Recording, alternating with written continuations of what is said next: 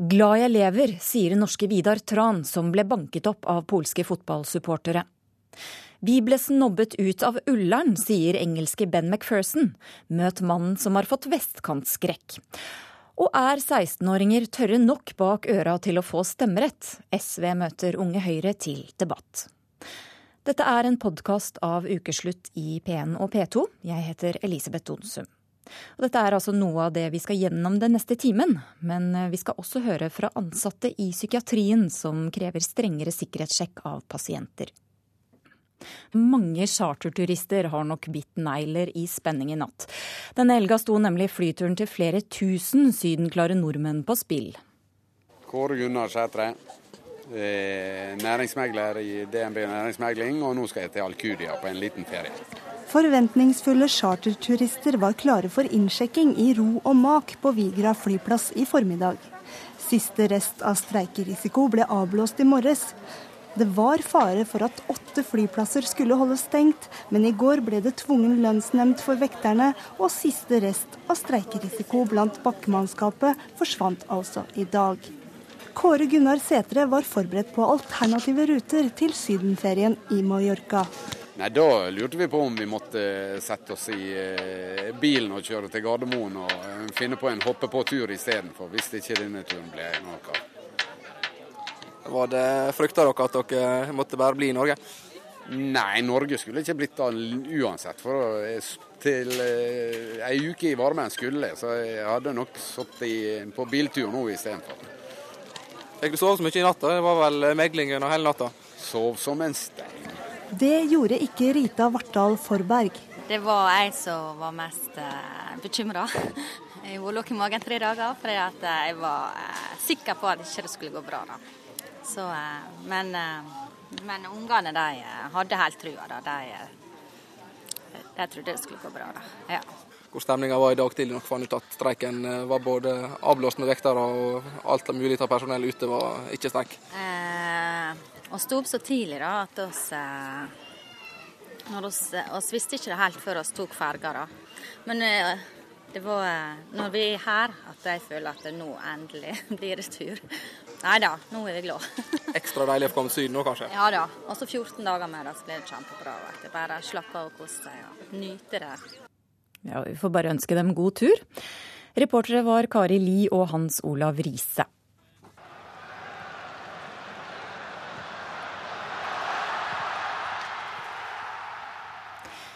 I går åpnet Russland EM med å skåre 4-1 mot Tsjekkia.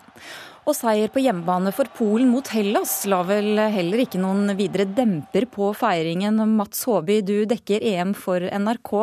Hvordan er det å være i Warszawa nå?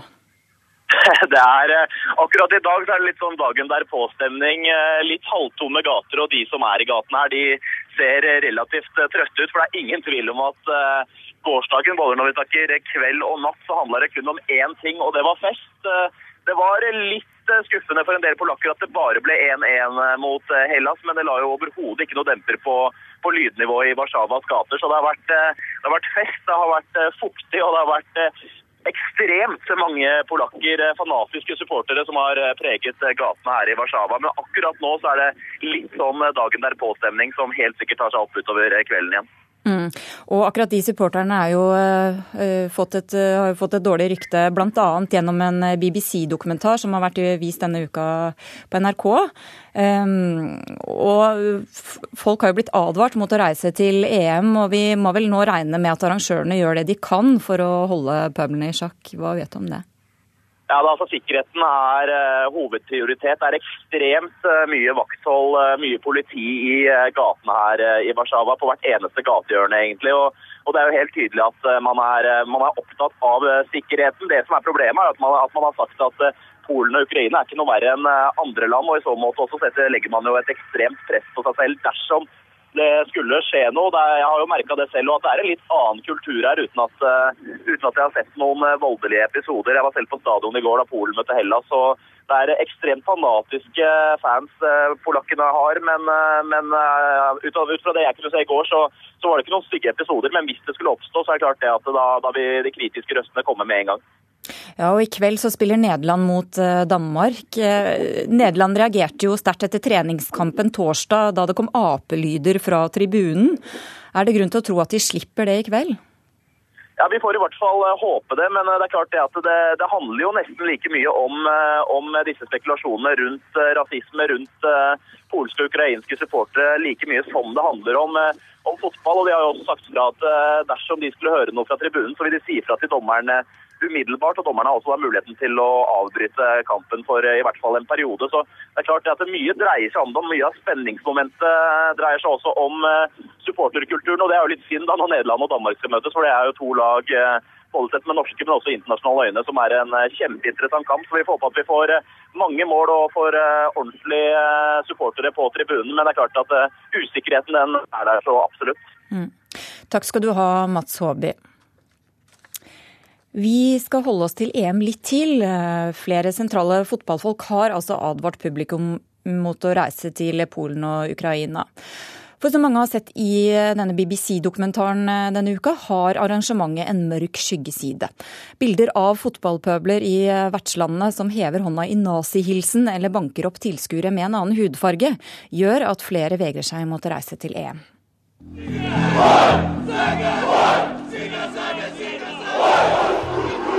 These supporters weren't white Ukrainians, they were Asian.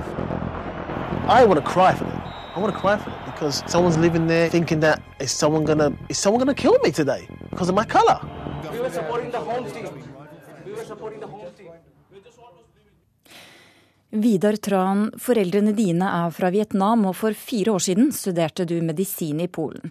Og under en EM-kamp fikk du et brutalt møte med rasistiske polske supportere. Hva var det som skjedde? Ja, eh, jeg og tre, to venner vi var på en storskjermvisning eh, av en EM-kamp mellom Tysk, Tyskland og Polen. Og eh, det som skjedde, var at så fort vi kom var det eh, en eh, gjeng med fotballfans som eh, la merke til oss og begynte å kaste øl, ølbokser og laga apelyder og ropte Ku Klux Klan i kor, blant annet.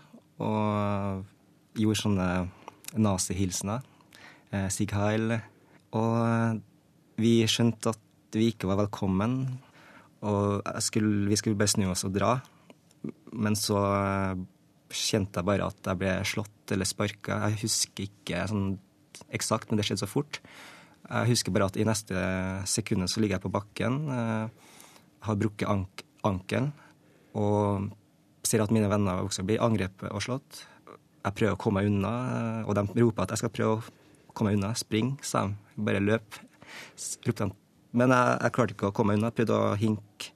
Så, så, ble det mye slag og spark, og det var flere som kom til og begynte å sparke og slå.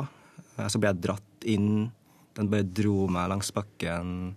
Folk bare sto i ring rundt meg og, slo og sparka. Og hva tenkte du når dette skjedde? Jeg kjente bare egentlig Jeg tenkte bare at det var eh, slutten, fordi jeg klarte ikke å komme meg unna.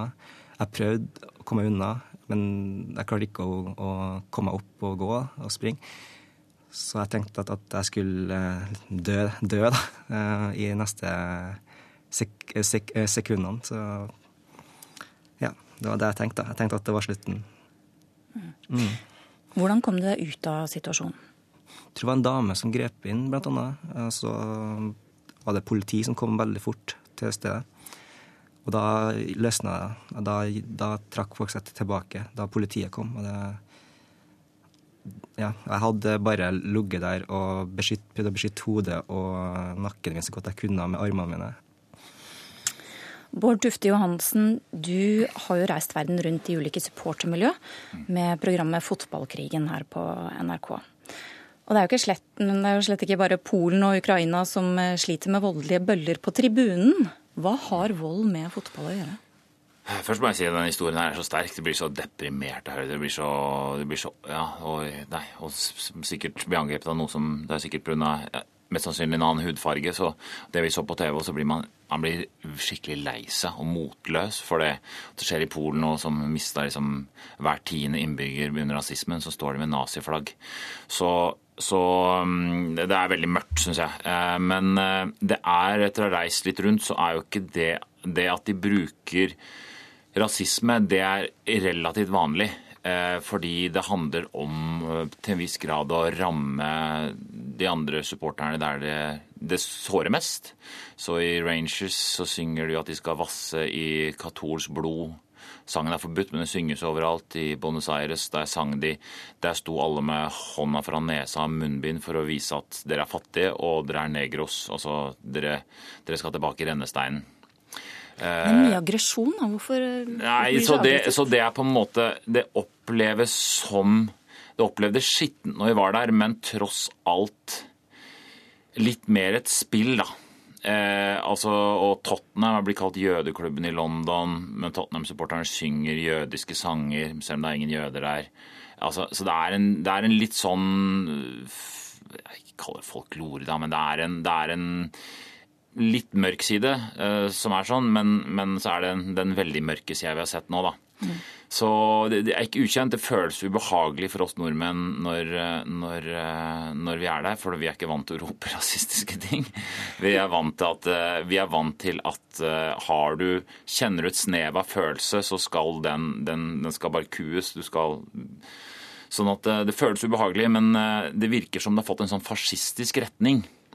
Og en sånn flokk en, det har gått ett skritt videre i Polen og Ukraina og østblokkland. Hvorfor vi, tror du det?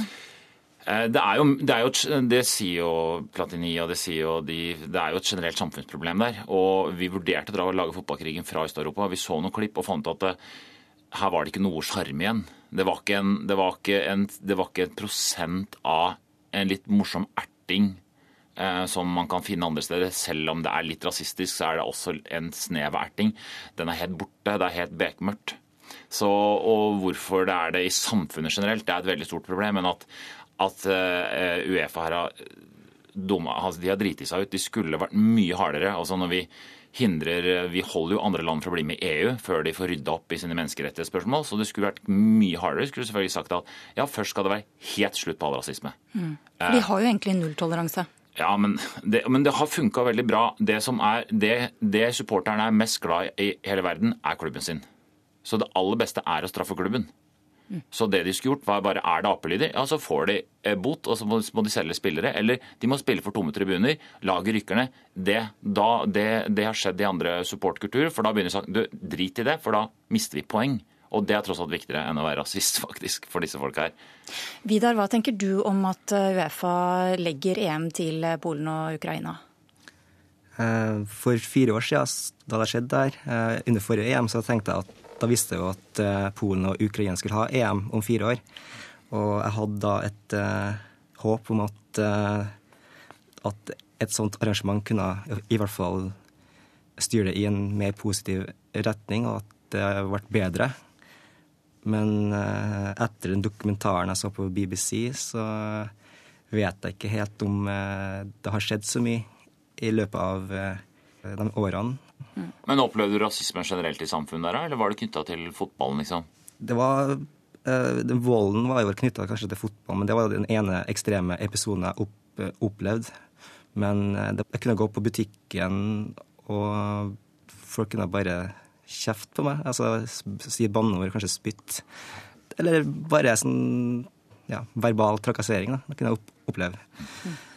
Så det har, det har, vi liksom hovedproblemet. Men vi ser jo at fotballen tiltrekker seg disse miljøene. Det er jo eh, det, uten at jeg er ekspert, men man leser jo om det både i Italia mm. og så delvis kommer litt mer, mer, tilbake i England. Klubber som før var det, det er, Lazio var litt uh, høyreekstrem, Roma var liksom de gode, mer venstreorienterte. Mm. Så drar det seg til i, de, i Roma også, sånn at uh, ja, Så det er et problem. For Hva er det som skjer når de kommer på fotballbanen? Altså sånn, er det noe med samholdet? Altså, akkurat som de nesten forandrer personlighet eh, litt?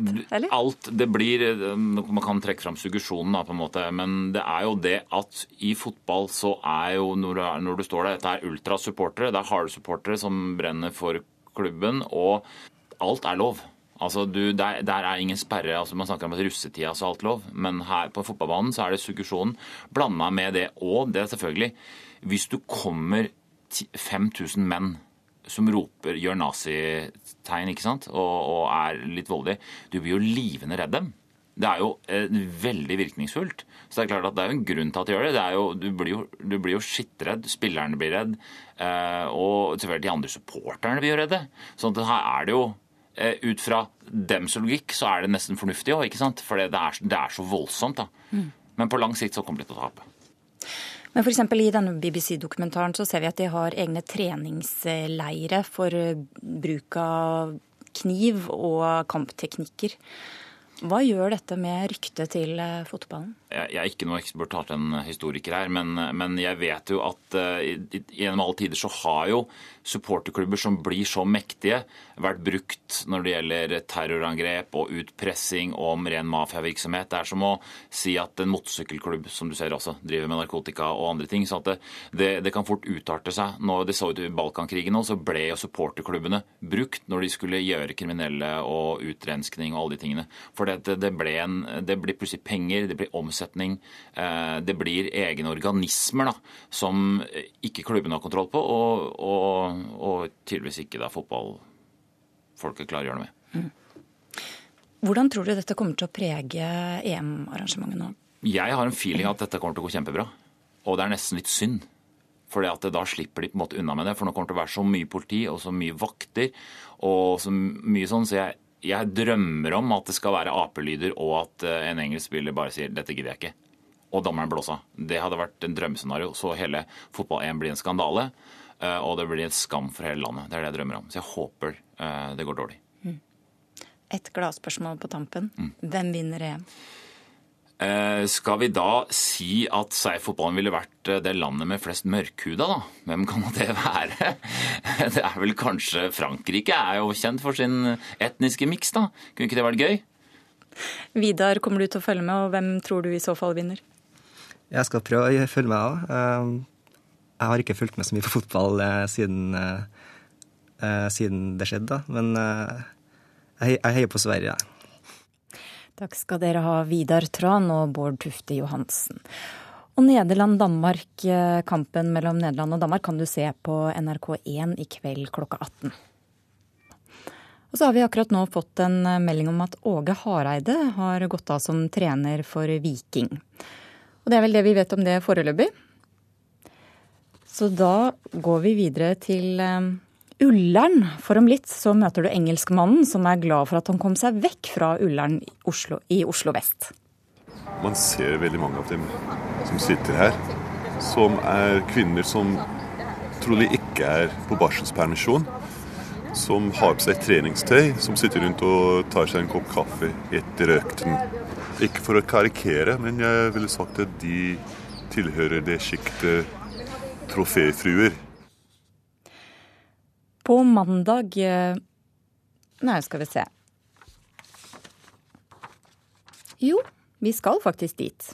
For på mandag så behandler Stortinget den såkalte Lex Breivik, lovforslaget som skal gi strengere regler ved psykiatriske sikkerhetsavdelinger. Men også vanlige akuttavdelinger sliter med vold og innføring av våpen, og nå etterlyser helsepersonell rett til strengere sikkerhetssjekk også der. Ukeslutts reporter Siri Storstein Hytten har møtt en sykepleier som nesten ble drept på jobb. Avdelingen var, var relativt rolig da jeg kom på jobb. Vi, vi, jeg fikk jo i rapporten med meg at det hadde vært noe med pasienten. Men avdelingen generelt sett var rolig, og pasienten sjøl var rolig òg. Gert Logge har kortbarbert hår og hvit T-skjorte som sitter stramt over veltrente overarmer. Han er ikke den du ville utfordret i håndbak.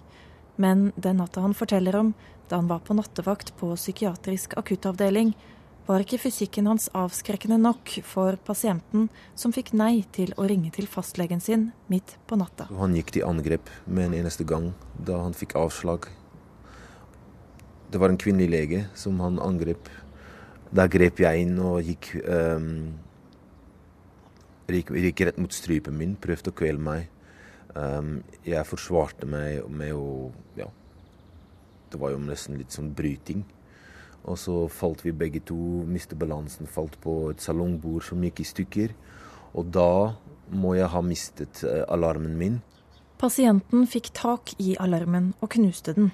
Og etterpå så prøvde han å stikke det i halsen min flere ganger. Hva tenkte du underveis? At jeg måtte slåss for livet mitt. OK. Og 4.40 Virket noe irritert i natt. Trampet når han gikk, snakket høyt. Likte dårlig å bli snakket til. Det er morgen på inntaksposten på Lovisenberg sykehus, og personalet går gjennom nattas hendelser. Han har eskalert siste timen. Han, han har det, ja. Jeg tror aldri han har utagert på på avdelingen. oss, inventar, på inventar, ja. Men aldri mot oss, liksom. Nei. Skal vi se Hit kommer pasienter som er akutt syke, noen av dem voldelige. Derfor har avdelingen bestemt seg for å tøye regelverket. Egentlig må de ha samtykke eller begrunnet mistanke for å kunne ransake pasientene, men her har de det som rutine. Teamleder illustrerer hvordan en aggressiv pasient blir tatt imot. Pasient på 412 kom nå på morgenen klokka sju. Fremstår paranoid. Pasienten roer seg noe ved trygging fra personalet. Får etter hvert eh, informasjon om at vi ønsker å få en oversikt over hva han har med seg inn i avdelingen.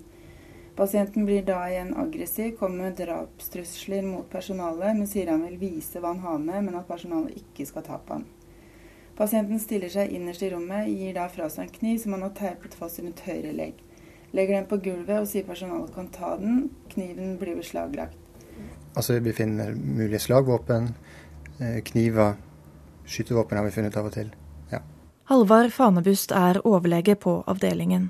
Han har fulgt med på regjeringens arbeid med den såkalte Lex Breivik, lovforslaget som skal sikre god nok sikkerhet rundt Anders Behring Breivik dersom han blir dømt til behandling i stedet for fengsel. Loven skal også øke sikkerheten på de tre eksisterende regionale sikkerhetsavdelingene i landet. Men på vanlige psykiatriske avdelinger skal regelverket være som før. Situasjonen er den at vi har et behov for å sikre at det ikke flyter med farlige gjenstander som kan benyttes som våpen på psykiatrisk avdeling.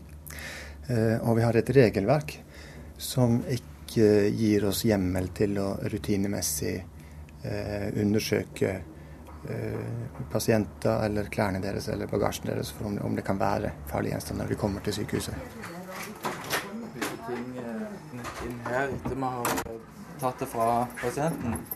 På en krakk inne på medisinrommet ligger denne ukas beslag. Det er en øks, en sånn eh, hobbyøks som en del har med seg f.eks. på camping.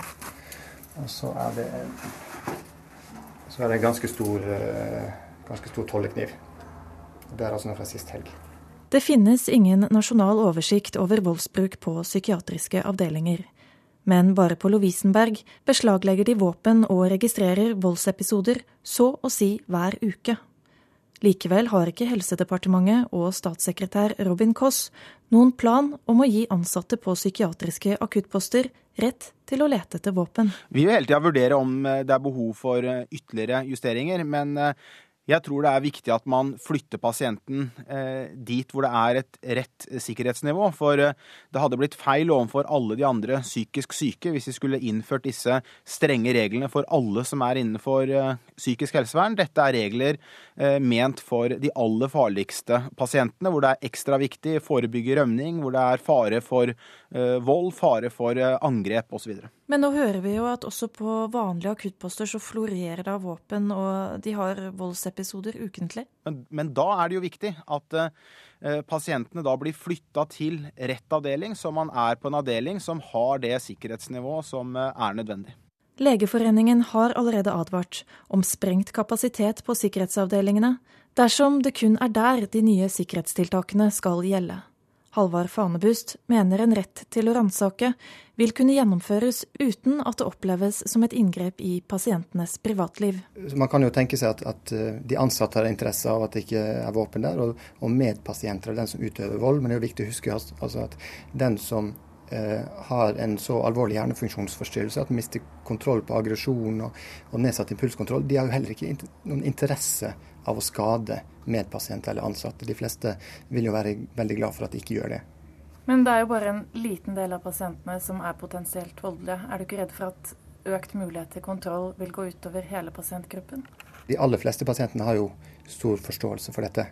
Eh, og jeg tror både helsemyndigheter, politi, pasienter og pårørende har en forventning om at det ikke ligger våpen rundt omkring på lukka psykiatriske avdelinger. Det tok, det tok egentlig bare kort tid i hele hendelsen, men det opplevdes veldig lenge. Veldig lenge. Fordi jeg trodde Jeg husker at dette kom, dette er slutten, ikke sant? Gert har byttet jobb etter overfallet for to år siden. Han var lei av å frykte at pasientene hadde våpen gjemt under klærne. Og han mener det bare var flaks som gjorde at han overlevde den natta. Så til slutt så fikk jeg hjelp av kolleger som fikk tak i alarmen, og vi var jo ganske utslitt begge to. Kunne han ha hatt en kniv på seg? Ja, det kunne han. Vi har ikke lov til å ransake han, så hvis han hadde et kniv på seg, det skulle ikke vi ha fått vite om. Hva hadde skjedd dersom han hadde en kniv? Da hadde jeg blitt drept. Du hører på en podkast av Ukeslutt i NRK P1 og P2. Heng med oss videre og hør at denne uka har meningsfeller av Anders Behring Breivik vitnet i retten. Hvor kommer alt hatet fra, spør AUF-er i ukas lyddagbok. Og bydelen Ullern i Oslo vest er full av troféfruer og snobbete vestkantpensjonister, hevder sjokkert engelskmann. Men først. I over 30 år har det vært 18-årsgrense for å være med på å bestemme hvem som skal styre landet. Men SV vil senke grensen til 16 år. Snorre Valen, du er stortingsrepresentant for SV. I hvilken grad er dette et forsøk på å få SV over sperregrensa? Nei, vi er opptatt av å utvide demokratiet. Eh, og jeg tror eh, et demokrati står seg sterkere jo flere det er som deltar. Og da mener jeg tida er inne eh, for å gjøre sånn som f.eks. Østerrike har gjort, og mange stater i Tyskland, og senke stemmerettsalderen. Så stemmer det at vi ofte gjør det bedre blant ungdom enn blant andre grupper. Men det har ikke noe med saken å gjøre. For å si det sånn, så fikk Unge Høyre flere stemmer enn oss i sist skolevalg. Og vi har vært for 16-årig stemmerett lenge. Mm. Men 16-åringene de får jo verken kjøre bil eller kjøpe øl i butikken f.eks. Mm. Hvorfor skal de være med å bestemme over f.eks. For forsvarspolitikken til Norge? Det er fordi 16-åringer har mange rettigheter og plikter selv om de ikke er myndige ennå. De er voksne eh, i seksuell sammenheng. De plikter å følge landets lover. Eh, den kriminelle lavalderen er 15 år. Eh, så det er ikke sånn at alle rettigheter og plikter er knytta til myndighetsalder. Eh, og vi mener også at mer medbestemmelse må kunne gis ungdom. Det å være myndig, det er å ha ansvar for seg selv. Eh, og i dag så er det jo sånn at også umyndiggjorte mennesker har stemmerett. Til og med demente mennesker har stemmerett. Og, og den gjengse 16-åring har nok mer orienteringsevne i samfunnet og i politikken enn mange av de menneskene som i dag har stemmerett. Så mm. demokrati... Det er kanskje en egen debatt, faktisk. Jo, men, men demokrati fungerer nå på den måten at det skal veldig mye til å frata mennesker retten til medbestemmelse. Ja. Mm. Henrik Asheim, du er leder for eh, Unge Høyre. Hvorfor skal ikke 16- og 17-åringer eh, få lov til å bestemme? Jeg tror Når man skal diskutere det, så må man først bestemme seg for hvorfor man ønsker det. Eh, når man laget dette forsøket nå med 20 kommuner, så var jo det for å få opp andelen unge som stemmer. Og det er et legitimt argument, for så vidt. Men så, så argumenterer jo Snorre Valen nå for at det er en slags rettighet man bør ha fordi man er en storforbruker f.eks. av offentlige tjenester. Men det er jo et barn på tolv år også. Sånn at det kan jo ikke være et grunnleggende argument for hvem som skal få lov å stemme stemme. Barnehagebarn til og med er jo, er jo storforbrukere av kommunale tjenester. Sånn at det som, som, som, vi mener er at det er umulig å være prinsipiell på myndighetsalder og stemmerettsalder. Et sted må du bare sette grensen. Og da mener vi at det er naturlig at når man sier i Norge at når du er 18 år, så er du myndig. altså Da du, skal du ta ansvar for deg selv, men du har også en del ekstra plikter og rettigheter. Så er det også da eh, at stemmerettsalderen bør eh, komme, eh, istedenfor å redusere den ned. Det finnes 14-åringer som helt fint kunne stemt i Norge, og det finnes helt sikkert 50-åringer som ikke burde fått lov å stemme. Mm. Det er umulig å være For Det er jo et poeng her, eh, Valen. Hvor skal denne grensen gå? Kan man ikke like gjerne gi stemmerett til 15-åringer som til 16-åringer? Jo, Den debatten kunne vi godt ha hatt, men det er jo en diskusjon man også hadde da stemmerett for kvinner var aktuelt å innføre. Også da sa man en, en grense må trekkes. Eh, hver gang vi har senka stemmerettsalderen til nå, så har det vært den samme diskusjonen. Jeg er enig med Henrik Asheim fra Unge Høyre i at det er vanskelig å sette sånn prinsipiell grense på hva er akkurat den riktige stemmerettsalderen. Men nettopp derfor må vi jo ha en levende diskusjon om å utvide demokratiet. Jeg mener at demokratiet blir mer reelt jo flere som har muligheten til å delta, og nå mener jeg tiden er moden til å la 16-åringene stemme. Fint. Da skal vi høre hva 16-åringene selv mener om dette. Det er sikkert noen som liker å få påvirke landet og hvordan det blir styrt, men jeg personlig har ikke noe ønske om det. I hvert fall ikke ennå. Hvorfor ikke det? Jeg syns alt fungerer fint, egentlig. Det er ikke noe jeg har lyst til å endre på. Jeg syns ikke alle 16-åringer vet helt hva de går til, i så fall hvis de stemmer et parti. Men du ville jo da fått stemmerett selv. Hvem ville du ha stelt, stemt på da? Mm, jeg tror Høyre foreløpig, men eh, jeg vet ikke helt hva alle partiene står for. Det er kanskje mange som egentlig ikke bryr seg så mye om det, og de blir veldig påvirket av foreldrene og hva de tenker, og hva de stemmer. Vi er jo ikke voksne ordentlig før vi er 18 ennå, eh, og sånn er det jo også med alle de andre aldersgrensene og reglene. Så jeg syns det blir litt rart å sette ned stemmeretten når vi allerede har høye aldersgrenser på andre ting. Hvis du hadde hatt stemmerett, eh, hvilket parti hadde fått din stemme da? Eh, Det ville vært Arbeiderpartiet. Eh, og du vet selvfølgelig da hvem som leder Arbeiderpartiet? Ja, det er Jens Stoltenberg. Spørs jo hvor seriøst det blir. Hvis man er 16 år, det er ganske mange tullinger som er 16 år. Men uh, hvis man tar noen krav, så syns jeg det er greit. Hvis man har noen få krav. Og hva skal det være? Uh, F.eks. at uh, man kan søke for å få stemmerett. Men du ville jo fått stemmerett da, altså hvis 16-åringer hadde fått det. Du vil ikke ha det, altså? Jo, jeg vil gjerne ha det. Men da hadde jeg søkt, ikke sant. For de som vil ha det. Og jeg er medlem av Unge Venstre, så Hvorfor er du det? Hvorfor? Ja, det er eh, mamma, eller hele familien, er Arbeiderpartiet. Arbeiderparti. Og så vil jeg ikke liksom følge deres eh, fotspor. Så jeg gikk liksom smått imot, men jeg ville ikke være altfor mye på høyresiden. Så jeg ville liksom være Frp og, og Høyre, så jeg tok Venstre. For jeg liksom, prinsippene er jo eh, ganske greie. Det er det jeg liker. Og så er det jo ikke Arbeiderpartiet. Så det er derfor. Hvilke saker er Venstre opptatt av? Eh, økonomi, skole. Det er det egentlig de som er eh, prioriteringen nå. Som jeg vet om, da. Og du vet da hvem som leder Venstre også? sånt? Nei, faktisk ikke. Det er, men eh, det er for at um, Jeg hadde jo Sponheim. Og det var da jeg var mest interessert. Men når han uh, dro, da, eller gikk av, så har interessen falt litt, da. For han var min favorittpolitiker. Så du vet ikke? Nei, ikke akkurat for det. Men jeg skal på møte starter på møte etter sommerferien, så da skal jeg bli seriøs. Ja, Snorre Valen, hva skal vi si til dette? Det var vel ikke alle som var helt sikre på at de var modne nok? Nei, eh, jeg syns jo det er en fin refleksjon, det. Og også at ungdommen stiller spørsmål til seg sjøl, og så er vi, er vi klare for å ha stemmerett. Jeg tror det er viktig å huske at eh, da debatten gikk for snart 100 år siden om kvinnelig stemmerett, så var det ikke alle kvinner som var for at kvinner skulle få stemme heller. Og sett i ettertid så har jo de utvidelsene vi har gjort av både stemmerettsalder og hvem som skal ha retten til å stemme, de har sett ganske selvfølgelig ut i ettertid, eh, selv om de har vært kontroversielle der og da. Jeg tror f.eks. at i Østerrike så er det helt uaktuelt å gå tilbake til å heve stemmerettsalderen nå som den er senka til, senka til 16 år. Altså, 16-åringer må jo både betale skatt, og de kan bli satt i fengsel hvis de gjør noe galt. Skal de ikke også da få være med å bestemme? Altså, det, er en, det er helt riktig. Vi har, vi har en grad av når du får rettigheter. Men spørsmålet er når du skal både kunne stemme og når du skal kunne velges. Eh, Og En 16-åring er jo da ikke myndig. Men jeg mener at hvis man skal kunne stemme, så må man også kunne velges inn i kommunestyret f.eks. Eller Stortinget for den saks skyld. Eh, Og Det betyr at da sier du at en 16-åring som ikke er myndig, og ikke lov å gå og kjøpe alkohol i butikken eller noen ting, skal allikevel ha retten til å bestemme over andre menneskers liv. Og jeg mener faktisk at også det skal være lov, og det er jo det noen av disse ungdommene også uttrykker, liksom den retten til å få lov til å være ungdom, eh, og ikke nødvendigvis skulle ha alle disse eh, pliktene også. Sånn at eh, det kommer en del rettigheter og plikter. Jeg mener at skal du kunne stemme, så må du kunne velges. Og da er spørsmålet om en person som vi ikke anser som myndig, skal kunne bestemme over andre mennesker. Eh, Vi snakker om stemmerett og ikke stemmeplikt. Nå velger mange unge å ikke stemme, og mange eldre og voksne velger også å ikke stemme. Så er jeg uenig i at du må være, kunne være valgbar hvis du skal ha stemmerett. Jeg mener at når du er myndig, så har du fullt og helt ansvar for deg selv. Da kan du også representere andre. Vi foreslår ikke å senke valgbarhetsalderen. Det skal fortsatt være året du blir myndig, men at du skal kunne stemme når du er yngre. Og det, Vi må huske at det her er gradsforskjeller. Nå har vi etter hvert innført i de aller fleste kommuner ungdomsråd.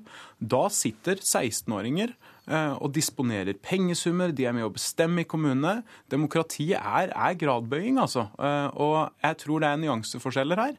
Jeg mener at det helt åpenbart er sånn at demokratiet vårt ville blitt bedre av at flere stemmer, og at flere ulike grupper stemmer. Og da har vi godt av å få 16-åringenes stemme inn i bildet. Er ikke det et poeng, Asheim? Nei, altså jeg mener Det som er et viktig poeng, det er at demokrati er så mye mer enn bare det å stemme. Det er f.eks. å kunne delta i organisasjoner eller ungdommens kommunestyrer, som man innfører veldig mange steder, som er veldig veldig bra. Eh, fordi det er mange måter å påvirke på eh, å være med. Du har lov til å melde en organisasjon for du er 15 år, f.eks., uten at foreldrene kan nekte deg det. Så det er bra. Men spørsmålet vi nå diskuterer, det er om man skal ha stemmerett. Altså om man skal kunne være med på å påvirke gjennom valg. Og det er jeg kritisk til, fordi jeg tror det finnes veldig mange Og flertallet av 16-åringer som er spurt, sier jo også nei. Ikke bare i den reportasjen deres, men også når man har målt det. Og det betyr at det er jo ikke noe rop heller blant 16-åringer for å få den stemmeretten.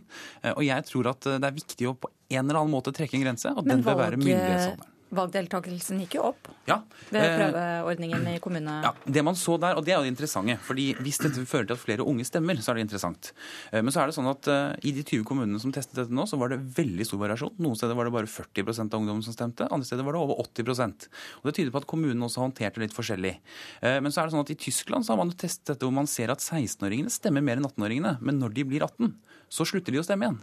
Altså, så, så, du har ikke fått en langvarig effekt. Du får bare at 16-åringene deltar én gang, og så uh, faller valgdeltakelsen igjen neste gang. Og jeg synes jo Hvis man skal være litt seriøs når man satte i gang dette forsøket fra regjeringen, så bør man jo gjennomføre det samme forsøket i de samme kommunene en gang til, nemlig i stortingsvalget f.eks. Eller i kommunevalget, og se om de samme elevene uh, da stemmer igjen. Det er klart at Når 16-åringer har blitt fortalt av samfunnet hele veien at de ikke er skikka til å stemme, så er det ikke rart at mange 16-åringer sier at dette er vi skeptisk til. Det syns jeg sier seg sjøl. Men det å gi folk stemmerett er også gi dem både tillit og ansvar. Og det tror jeg 16-åringer vil ta på en, på en helt fin måte. Demokratiet handler om motsatt bevisbyrde, akkurat som rettsstaten. Jeg mener at hvis du skal, hvis du skal si at en gruppe ikke har stemmerett, så, så, er det du som må bevise hvorfor de ikke skal ha det. Når du er 16 år, så har du fullført den obligatoriske skolegangen i samfunnet vårt. Da har du lært det samfunnet sier at du skal lære, og da mener jeg også at mennesker bør være klare for å, for å stemme. Til slutt, tror du at du får med deg regjeringskollegaene dine på dette her? Ja, det tror jeg. Liv Signe Navarsete fra Senterpartiet gikk inn i, i, forsøket vi gjennomførte i fjor som skeptiker. Hun var, var vel egentlig erklært motstander av stemmerett for 16-åringer, og nå har hun snudd. Jeg tror mange flere vil snu i løpet av den neste perioden, og at vi vinner denne kampen i neste stortingsperiode.